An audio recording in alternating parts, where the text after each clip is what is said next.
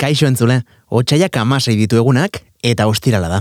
Eta asteari amaiera emateko, zer hobe, gurekin, tarte bat pasatzea baino, ezta? Ongi etorri izpilu beltzara. Ispilu beltza, asier rastirekin.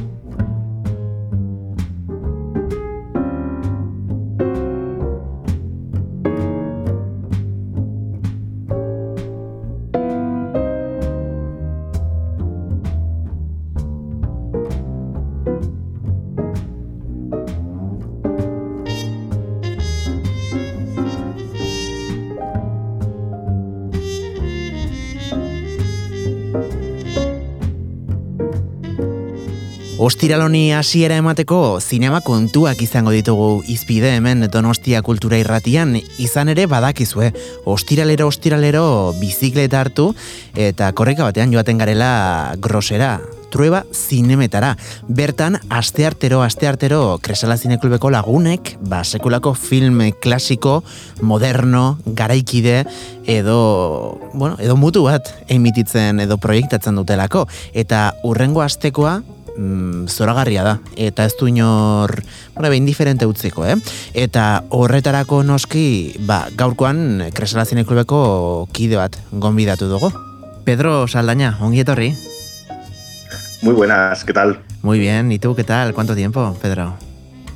Muy bien, eh, aquí disfrutando de, de la, bueno, de la primavera, mm, ¿cómo se dice? La primavera que llega antes de lo previsto. Sí, la primavera anticipada que estamos teniendo en Donosti.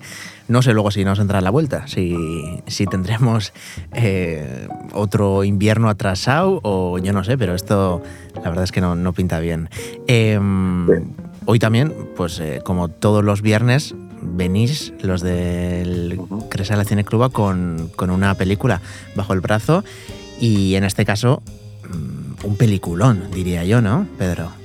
Sí, sí, sí. La ceremonia de Claude Chabrol, eh, por méritos propios, tiene un hueco en el Salón de la Fama de, los cinéfilos, porque bueno, es una peli muy especial, eh, multipremiada y, además de una calidad, bueno, pues eh, excelente. Es un thriller realmente muy molón, vamos a decirlo así.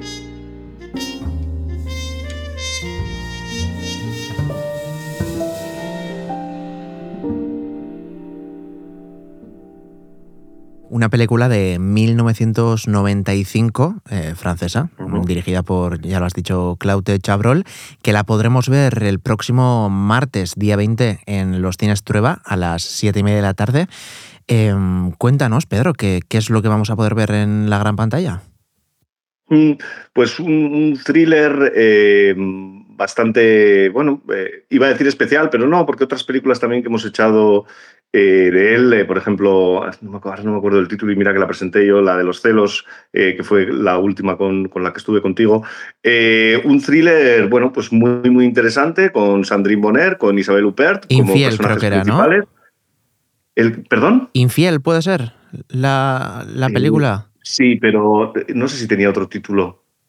Ay, ahora no me acuerdo. Bueno, Luego me vendrá y, ya me acordaré, pero en fin.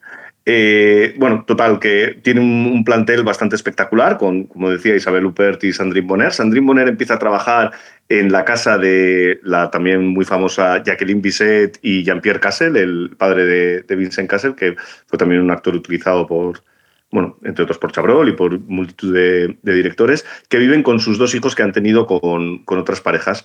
Eh, y bueno, pues Sandrine Bonner empieza a trabajar allí, pero poco a poco vamos viendo, bueno, pues cosas que no, digamos, que no, que no casan bien, cosas que no se entienden de su comportamiento, de Sandrine, eh, bueno, cierto paternalismo quizás también por parte de, los empleadores, eh, conoce a a una, a una empleada de correos, que es eh, Isabel Huppert, que también es un personaje con una personalidad muy, muy especial, y juntas, bueno, pues establecen una especie de, relación amistosa y que poco a poco pues nos irá llevando hacia un terreno en el que al principio no sabíamos que íbamos a, sumergirnos. Y todo esto, pues con, con el buen hacer habitual de, de Claude Chabrol, eh, con, bueno, con una manera de narrar muy, muy directa, muy clara, muy concisa, no, no se anda con... Eh, esto ya lo comenté también con la película de la que no me sale el título, eh, que enseguida va a la acción, ¿no? si dicen que va a pasar algo, lo siguiente que vemos es eso que, que ocurre, no no alarga eh, las, las, secuencias, uh -huh. no, no, voy a decir innecesariamente, pero bueno, en cualquier caso no las alarga y las hace muy ágiles y la historia va avanzando de una manera muy ágil y la verdad es que se sigue muy, muy bien. No se anda con rodeos, ¿no, Chabrol? Eso es.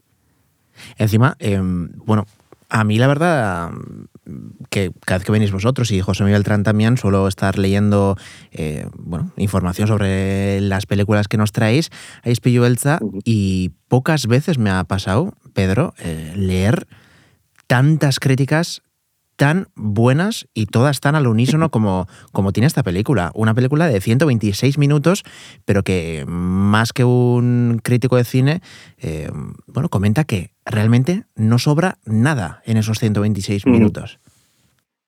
Sí, sí, es que la historia avanza al ritmo al que tiene que avanzar. Es que no quiero eh, desvelar mm, demasiado sobre la trama, porque luego la trama va girando, Solo diré que está basado en, un hecho real, que recomiendo eh, leer algún artículo sobre él una vez que se haya visto la película para que no haya spoilers innecesarios. Es el caso de Christine y Lea Papin, que eran dos hermanas, eh, dos trabajadoras domésticas eh, en la Francia de los años 30. Bueno, pues eh, digamos que sus actos sirvieron de inspiración tanto para un libro en el que se basa la película como para, bueno, pues en la cultura popular, digamos que también ha estado, ha estado presente. ¿Y mm, cuál es un poquito, bueno, ya has comentado que es un thriller, que también bueno, está el tema del drama. ¿Cuál es un poquito el tono que, que coge esta película desde el minuto uno? Mm. ¿Es una película que nos va a mantener en de... tensión? Sí, mm, todo el rato hay, o sea, con ese tono de thriller, quizás lo que más impera es el suspense. El, vas, -huh. vas, sabiendo nuevos detalles, vas atando cabos, tú también vas diciendo, ah, esto lo ha hecho por esto. Que eso también demuestra, yo creo, la, maestría de, de, Claude Chabrol a la hora de eh, ensamblar las secuencias una después de otra y que cada una te dé eh, una nueva información con la que completas algo que ya has visto y entonces eh, vienen más cosas que, como por ejemplo la, la relación con, con, Isabel Huppert, que de repente eh, como a, ella, a Sandrine Bonner no le habíamos visto relacionarse con nadie de su clase social, por decirlo de alguna manera, eh, bueno, pues vamos entendiendo más y más y más cosas. Hay que decir también que las interpretaciones tanto de eh, de Sandrine Bonner como de Isabel Huppert les valieron la, bueno, ganaron la, la, Copa Volpi de la, a la mejor actriz eh, exaequo en, en, el Festival de Venecia y también estuvieron las dos nominadas al César, que viene a ser el, el Goya francés. Lo ganó Isabel Huppert, pero realmente las dos están espectaculares. Bueno, el, sobre todo el peso, la protagonista sin duda es Sandrine Bonner, es realmente sobre quien recae todo el peso de la trama. Digamos que Isabel Huppert es una pieza que se une después y que nos irá acompañando hacia el final, pero con quien siempre estamos es con, eh, con Sandrine Bonner. Y técnicamente, Pedro, es una película, bueno, yo he visto imágenes un tanto oscura, ¿no? Mm, quizás en algún momento cuando ella, bueno, pues está en, eh, en su habitación, eh, eh, bueno, digamos que puede haber algún momento así un poco más oscuro, pero yo diría que eh, tiene muchas secuencias eh, al aire libre también, cuando Sandrine Bonner va a hablar con, Isabel Huppert, la va a visitar a su trabajo, etc. No, no diría que es una, una, película especialmente oscura. Quizás la última parte sí que se convierte en otra cosa, porque además parte de esa, de esa parte final eh, ocurre a la noche, entonces, bueno, ahí sí que quizás juega un poco más, bueno, pues con, con todo esto. Sí, a lo mejor eh, oscura no es la palabra, es más mmm, contrastada, como con muchas luces y sombras, ¿no? En los interiores. Eh, sí que tiene un, un, tipo de edición, ¿no? Un poquito.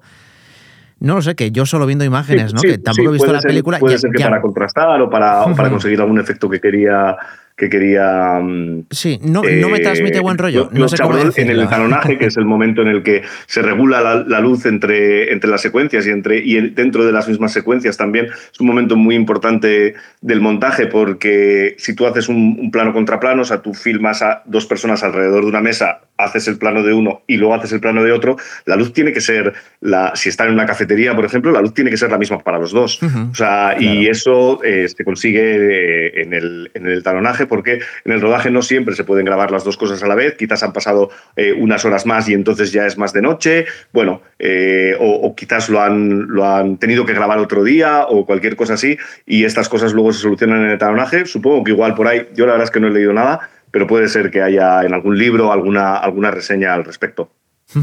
Y Pedro, em, en cuanto un poquito a los recursos cinematográficos, eh, Claude Chabrol, ¿cómo, ¿cómo, nos cuenta la historia de estas dos mujeres? De, em, quiero decir, eh, mm. utiliza muchos recursos para, bueno, para transmitir eh, esta sensación de, tensión, de, thriller, eh, con la música, con, con, los diferentes planos, o es mucho más crudo? Para, para narrar. Perdona, sí, sobre todo para narrar eh, utiliza recursos propios del cine. Muchas veces eh, las propias acciones de, los personajes son las que nos narran lo que está ocurriendo. Eh, es que, claro, no, quiero desvelar demasiados detalles de la trama, pero sí que hay, hay, momentos en los que Sandrine Bonner está en silencio intentando hacer algo y eh, digamos que eh, cómo lo filma eh, Claude Chabrol hace que entendamos qué es lo que le pasa a Sandrine Bonner desde el principio de la película. O sea, qué, qué es realmente, Sandrine, por qué eres así de rara. Y en esa secuencia lo vamos a entender. O por lo menos vamos a entender qué es lo que hace que Sandrine Bonner esté tan retraída siempre y no quiera, digamos, participar o no quiera o no sea una persona 100% normal que, que verías por la calle, sino que... Mm, es una persona que de alguna manera tiene un lado que no se ve. O sea, un lado, vamos a, vamos a llamarlo oscuro, eh, tiene un, algo que no se ve. ¿Y cómo nos lo va contando? Lo que pasa es que no quiero contar qué es, eh, cuál es eh, esa cosa que, vamos a decir, le falta a Sandrine Bonner, porque prefiero mm. que la gente lo descubra en el cine, pero el momento, que además está incluido en el tráiler que hacemos los de Cresala, y que luego se pone en las distintas sesiones en, el Trueba, eh, ahí aparece ese momento y es que ese momento realmente para mí está maravillosamente filmado. Y como antes decía también, eh, las elipsis funcionan muy muy bien. Hay un momento en el que le dicen, eh, bueno, pues tendrías que aprender a conducir. Y ella dice, ah, es que tengo mal la vista. Ah, pues entonces lo que tienes que hacer es ir al oculista. Siguiente secuencia es ella yendo al oculista. Lo que ocurre justo después, sí que lo puedo contar, ella no va al oculista porque ella no tiene ningún problema de, vista. Lo que pasa es que no quiere hacer eso. ¿Por qué no quiere? Bueno, tiene sus razones que se van sustanciando a lo largo de la película y como decía, cada, cada secuencia nos va dando eh, una pequeña pista de qué es lo que está pasando, qué es lo que se le pasa a Sandrine Bonner por la cabeza, porque es muy difícil saberlo, pues es una persona que se comunica muy poco con los demás. Entonces es a través de sus propios actos cómo entenderemos cómo es ella y por qué hace lo que hace y por qué se comporta de esa manera. ¿Podrías catalogarlo como un thriller psicológico?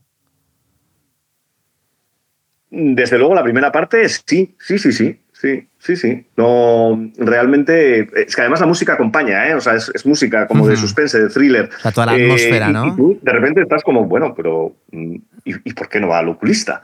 Y entonces, eh, justo después ya, eh, ¿sabes? Empiezan a ocurrir cosas que dices, ah, vale, claro, por esto. Y, después ocurre otra cosa que eh, te hace entender la pregunta que te has hecho en la, en la, secuencia anterior. Realmente yo diría que sobre todo el, guion y, la dirección está súper medido y, y súper bien realizado, pero muy, muy bien. Eh, no sé a quién invitarías, Pedro, el martes que viene a Los Tienes Trueba.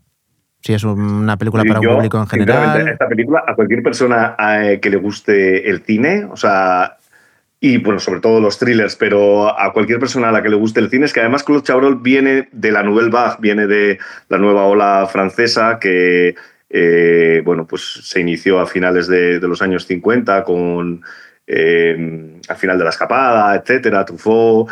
Claude Chabrol formaba parte de esa pandilla, vamos a decirlo así, pero Claude Chabrol, digamos que es al que se le entiende todo lo que hace. Porque de Godard, algunas películas, bueno, por ejemplo, la que echamos Weekend, tiene un montón de partes que, mm, claro, lo mezcla con un discurso político y hay momentos en los que se hace muy complicado. Además, era un cineasta que arriesgaba muchísimo, muchísimo más, ¿no? La narración le podía interesar, pero lo que más le interesaba era el lenguaje cinematográfico empleado.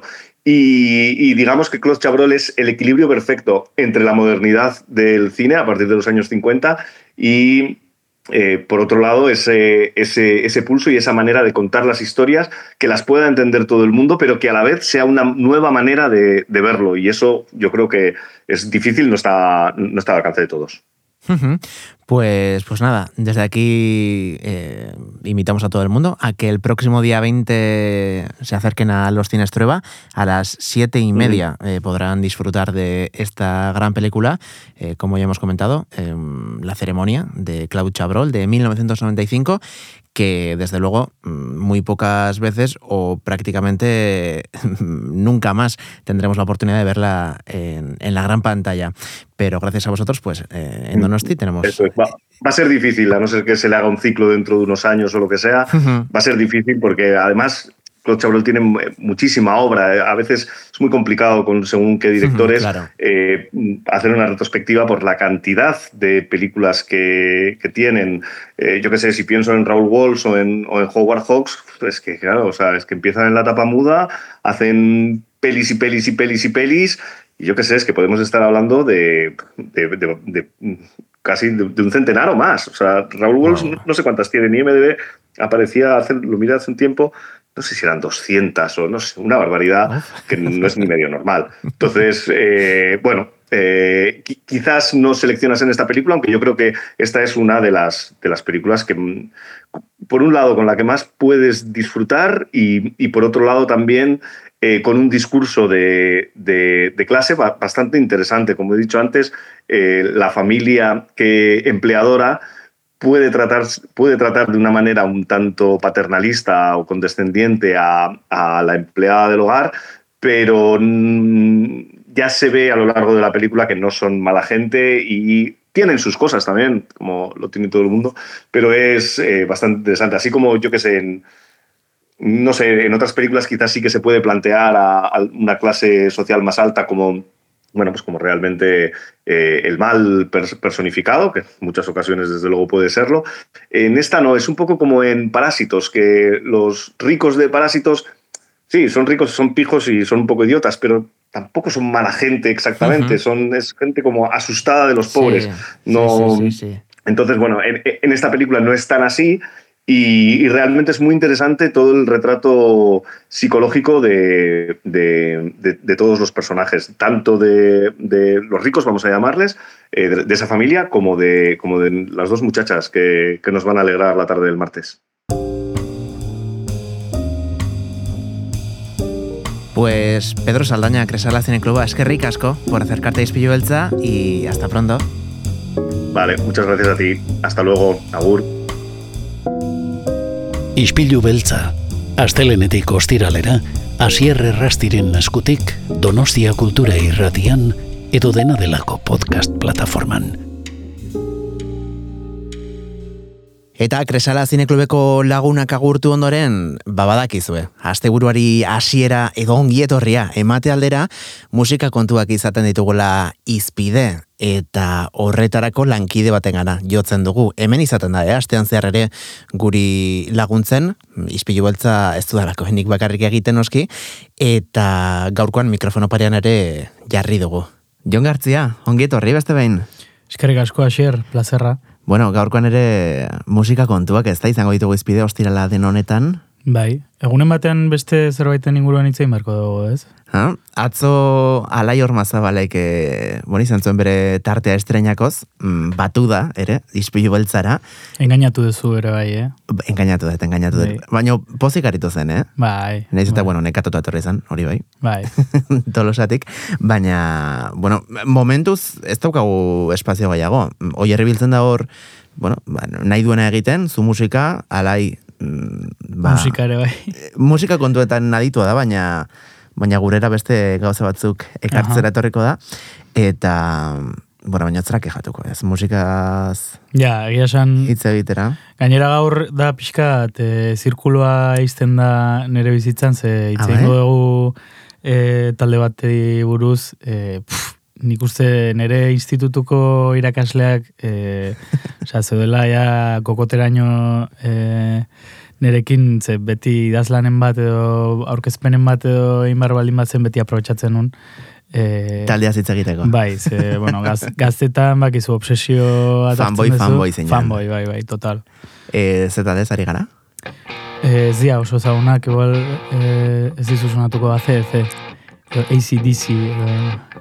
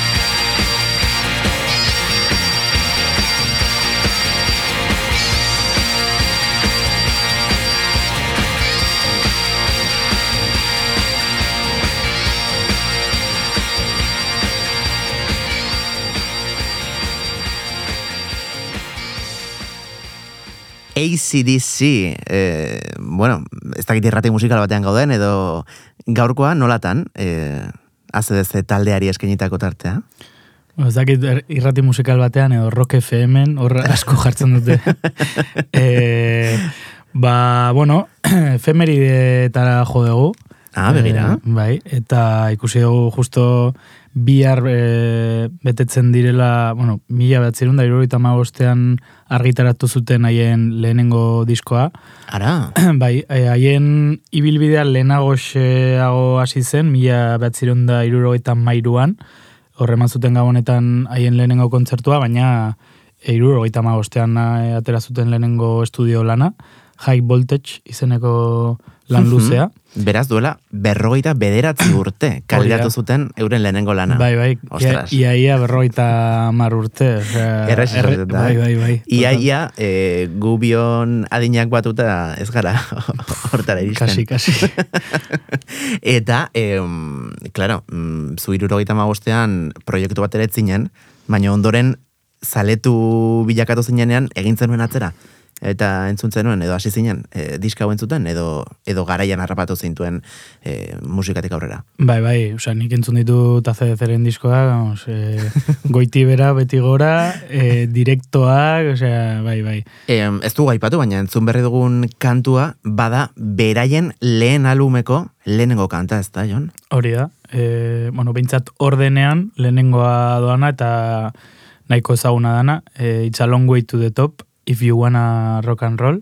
Ez da inoiz ulertu, e, gaur egun ez da egiten hori baino, lehen asko egiten zen titulua e, bere horretan idatzi eta ondoren Bai, parentesi, parentesi. parentesi artean zerbait gehitu. Ostra, egia zen eh, ez dut pentsatu zergatik. E, Hori, hori ere, ba, osea, titulua osoa da, ez da? Bai, bai, bai, bai. If you wanna rock and roll, ere... Hori dago parentesi artean, hori ez dakit. Bai, hori gainera eh, hauek egiten zuten desentetan, eh? Agian ez zuten moztu nahi, agian garrantzia, eh, garrantzia eman nahi zioten bazpare. Zer da, e, kantuko esaldiren bat? Bai, bai, eh, estribilloa da, o, Ah, tal cual. tal cual, bai. A ber, Bueno, berez, berez be- altzuten jarri itxalon goitu de top, eta, osea, gero ulertuko jendea, baina, bueno. Egia da normalean orain geroz eta mm, titulu motzagoak ikusten ditugula, ez? Gaur egungo estenan. Bai, bueno, eta, a ber, e, eskere bai, e, zehatu behar dezu, ez? E, innovazio pixkate eman behar diozu tituloi, ez dela errepikatzen dira, baina, bueno, pf, eske, osea, pixkat inevitablea errepikatzea tituloak, ez? Gustatu zait gorka horbizuk eh, egin duena, Bai, adibidez, originala. Bai, bai, gustatu zait. Gure oierri ere gustatu zaio diskoa, ez? Bueno, bulegoan ez dugu beste ezer entzuten. Bai, eukizuen beste bolara bat parcels taldearekin. Ekarri, ekarri zuen, eh? E, izpillo beltzara, eh? Hauek ere australiarrak, bide batez. Ah, begira. Australian ba o, mugimendua, eh? E, oraindik ere, e, ACDC ja berrogeita ama piko urte ditu, baina geroztik ere sortu dira beste talde diferenteak, rockaren baitan, eta e, gainera rebindikatzen dute askok eh, ACDC-ren eragina. Beraz, bai, bai, e, garrantzitsua da. Duela berrogeita mar urte sortu zen taldea, bihar, biharko egunean e, otxaiaren amazazpian kaleratu zuten euren lehenengo estudioko lana, eta, bueno, ba, efemeride hau aitzaki hartuta ipatzea jon, berrogeita mar urte hauetan, ez dela izan, ba, musikalki, bueno, musikalki bai, esan nahi dut, em, taldekiden aldetik, talderik fidelena, sekulako artista mordoa pasadelako talde hontatik. Bai, eta bereziki, bueno, azken urteetan, bueno, orentxe bertan, esan barra dago, e, aste honetan iragarri dutela e, bira ingo dutela, bueltatzen direla sei edo zazpi urteren ostean. Ah, benetan? Bai, eta, bueno, ba, hemendik gertuena rapatzen gaituna Sevilla, beraz, e, Berri Serbillara jongo gara. Sevillara, bai, bai, bai, bai. E, a, a, ez da urten izango. E, aurten da, aurten da. Ah, bai? bai, bai. E, Osea, oraingoa ze- Bai, atzean, esango nuke. Apirilean goaz e, reala ikustera? Bueno, ikusi beharko da, eh? Ustez? Ni oraingoz ez dut ezer esango. Eta ondoren maiatzean Hori da, ACDC. bai, Eta, eta- eta orain iragarri dute? Bai, aste honetan. Aste honetan ira- iragarri dute Europako bira. Eman zuten e, kontzertu bat aurreko urte amaieran, e, e, estatu batuetan, ez dut goratzen non. Eta bai, bai, baina hor ere ba, aldaketak egon dira, e, bueno, e, duela urte batzuk hil zen ba, taldearen sortzaile den zena, Malcolm Young, Mhm. e, Angus Young gitar jolearen anaia, eta ba, esaten zutena taldearen e, garuna zena, edo taldearen ba, jefea, e, itzaletan bazen ere. Eta Azken urteetan ez zegoen e, taldean, bera. azken biran etzen egon, zeia e, dementziarekin zegoen, eta Mhm. eta gerora ba, ba hil egin zen. Mm, gainera nahiko nahiko gazte ez da, e, irurogeita lau urterekin. Bai, bai. Bai, e, uste dut e, olako ze, ba, hori, dementzia kasu bat izan zela, eta, bueno, horrek azkartu zuela bere eriotza, tamalez. Eta, bueno, ba, pf, ere bai egon dira, ba, esanguratsuena, aldaketa esanguratsuena esan dezagun, ba, lehengo abeslaria zena, e, lehenengo disko honetan zegoena, Bon Scott, e, Mhm. hori ere nahiko goiz hil zen, e, irurogei, larogei, larogei garren urt, mila behatzen da larogeian, hil zen, eta bere testigua hartu zuen Brian Johnsonek, ja badara matzala urte eta disko asko, ja, esan dezagun zalek, ja hartu dutela eta ja taldearen parte bezala e, hartzen dutela, baina bueno, azken biran ere e, momentu batean etzen egon, Axel Rose sartu zen, Guns N' Roseseko Ah, abeslaria, egia osea, da. hor egon dira, Ufa. bai, eta orain, ba, lengo basu jolea disko honetan ere bazegoena, esango nuke Cliff Williams e, horrek e, retiro hartu zuen, e, bateria aldaketak egon dira, bueno, e, bai, nahiko, nahiko pifostio. Orain bertan gelitzen direna, e, hola, e, formazio klasikoetakoa, Angus Young, hori dela Da pixkate frontmana ez da, frontmana, gaur bai, egun. guztiz, e, Irurogeita zortzi urte, eh? bai, bai, eta oraindik korrika, eh? Osea, nik Alde batetik beste. Nik ikusi ditut, zuzenean e, desentetan, bereziena esango nuke Samamesen izan zela, ze gainera izan zen e, Malcolm Youngen azken kontzertua Ah, bai? Bai, Samamesen izan Duela zenbat? Ja urte etxo batzuk dira, eh? amar, osea, Wow, amala urte. amala urte. Bai, bai. Atzo. Ja, sartzen nahi gara, eh? Eta, eta bai, bai, osea, Angus Young ikustea zuzenean da espektakulo bat, esate zu, tipo hau. Eta jarraitzen du. Bombona bat jarri beharko diote airearekin, osea, ezak nola aguantatzen du, nik, nik ezengo nuke. E, zer da, Bruce Springsteen baino zarragoa edo? Jo, ba, ezakit. Ba, hortxe, hortxe. Bruce dira. ere bazka, bere... Bai, egia da, e, berak ere saltoak ematen dituela, baina ez maila honetan, eh? Ez, ez, ez. ez, ez, ez. Osea, hau da, hau da, hau da beste munduko gauza bat. Eta, Jon, e, galdetu nahiko nizuke, efemeridea hitzaki hartuta nola, edo nola baino, zergatik uste duzun iritsi dela hain urruti talde hau ze mm, rock, hard rock eta bueno, horrelako musika taldeak ba, milaka eta milaka izan dira e, musikaren historian zehar eta zergatik hauek iritsi ziren gaiurrera. Ba, galdera ona, eta de hecho, ni nintzenean fanboy e, beste lagun batzuekin komentatzen nu, da igual gehiago gustatzen zitzaien beste talderen bat, ba, Led Zeppelin eta Mhm. Eta egia da, ACDC ez daukala kriston berritasunik eta diskografia dela nahiko e, ba, bueno, antzekoa, osea, bestien artean ez dagoela e, kriston esperimentaziorik, Mhm. baina ACDC da hori da, e, precisamente ez, eta egiten dute rock bat, ba, apiñon, e, ba, energiarekin, eta bueno, ere bai talde baten e, arrakastan ikuste ere, ikusten dela, ba, daukan, taldea daukan personalidadean, eta ba, egiteko moduan, eta bueno, ba, beste talde batzuekin, ba, zeo ze berezia daukala, osea, hori argi dago. Eta nik beti, e, ezakin non entzun nuen, e, ez dut nik asmatu, baina nik uste eta CDC dela e, arrotza frigituak patatekin bezala, ez? Osea, ez da ezer komplikatua, baina, jo, ondo sartzen da. Osea, Al, ondo- ze ona, Bai. ze ona metafora hori gustatzen zait. Egia da, e, beste talde batzuk ez bezala, adibidez, Led Zeppelin aipatu duzu. Mm, ez dakit, ni gai izango nitzatekeen Led Zeppelinen edozein kantu Led Zeppelinena dela esateko, baina ACDC badu hor Bai, bai. zigilu bat oso oso nabarmena, naiz eta kantua ez ezagutu, Mhm. mm, badakizula, ez, e, beraiena dela. Em, Jon, iruditzen, bueno, ba, efemeride honetan, e, high voltage, e, bueno, ba, albumeko beste kantu bat entzuten badago? Bale, ba, adibidez, eh, entzun genezake Lifeware eh, abestia. Venga, bagoazen. Jon,